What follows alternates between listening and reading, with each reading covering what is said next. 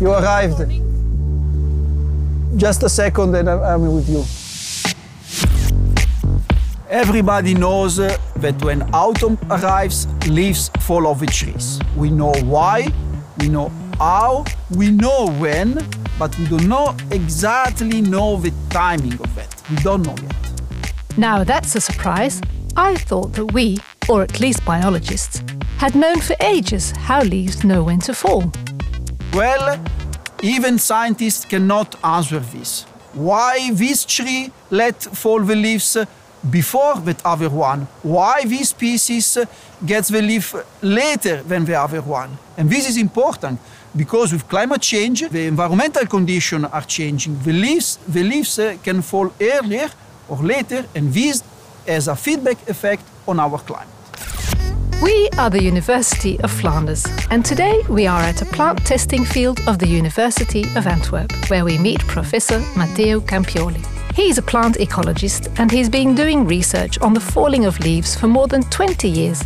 Matteo wants to know what's really going on in trees and what is really triggering the colouring and falling of leaves. How do leaves in autumn know when it's time to fall? Leaves fall in deciduous trees.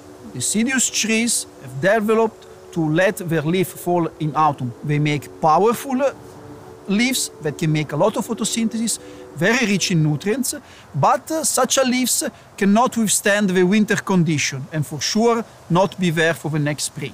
But before they drop, the leaves turn yellow, orange, red, beautiful autumn colors. But why is that? The changing of the color is actually an indication that the uh, good material in the leaves is actually degraded and take it, ba- take it back by the tree in the woody organs so that can be stored and the reuse for the next spring. One of the first uh, things that is uh, uh, recycled is chlorophyll.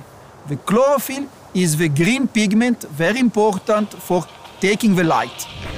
That chlorophyll is used in photosynthesis, a chemical reaction in which energy from the sun is used to convert the carbon dioxide in the air into glucose, some sort of sugar.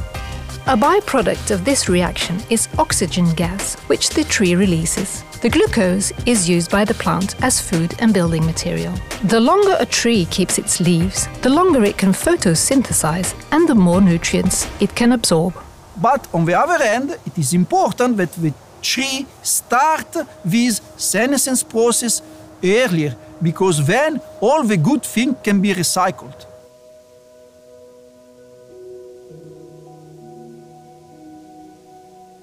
Those trees uh, we kept uh, outside uh, since uh, the spring in April. And then we see that are really completely the senescent process. But some of the tree we also moved inside in experimental condition where they were exposed to different light and temperature. Why this? Because we know that light and temperature have an effect, but we don't know exactly which one is the most important. Also, we don't know if a temperature of 10 uh, Celsius is important, or maybe the, the tree let fall the leaves when the temperature is 8. We don't know if a day length of 10 hours, for instance, is uh, enough to give a signal to the tree to start the falling of the leaves.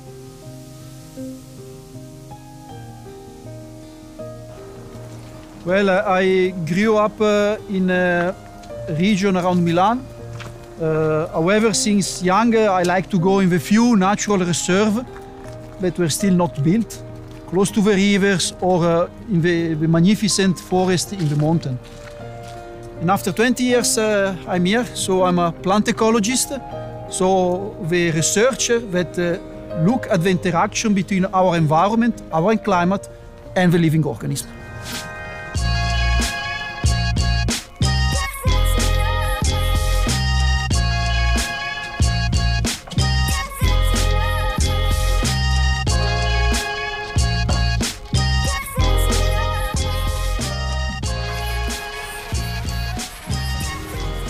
Okay, and here we see our uh, young tree exposed to the August condition. So we have a temperature of 18 Celsius degree and uh, a day length similar to the one in August. Even now, here is November.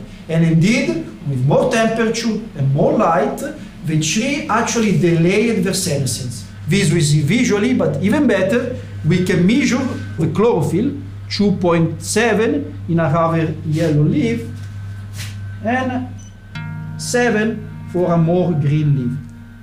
By measuring this index during all the autumn, from August until November, then we can really see the degradation of the chlorophyll and so the progression of the senescence and of the leaf coloration. Okay, so light and temperature play a role, but when leaves drop exactly is more complicated than it seems. To find out what's going on, Matteo not only monitors the little trees in his test lab, but also mature, big ones around the world. It is my idea that to understand the dynamics in autumn of the leaves, we should not only focus on the leaves, but look what happened to the tree in general. So that's why we collect also data, for instance, on the wood and on the roots. Okay, so let's take uh, the second sample. What we take is a small sample of wood every week from end of July until November.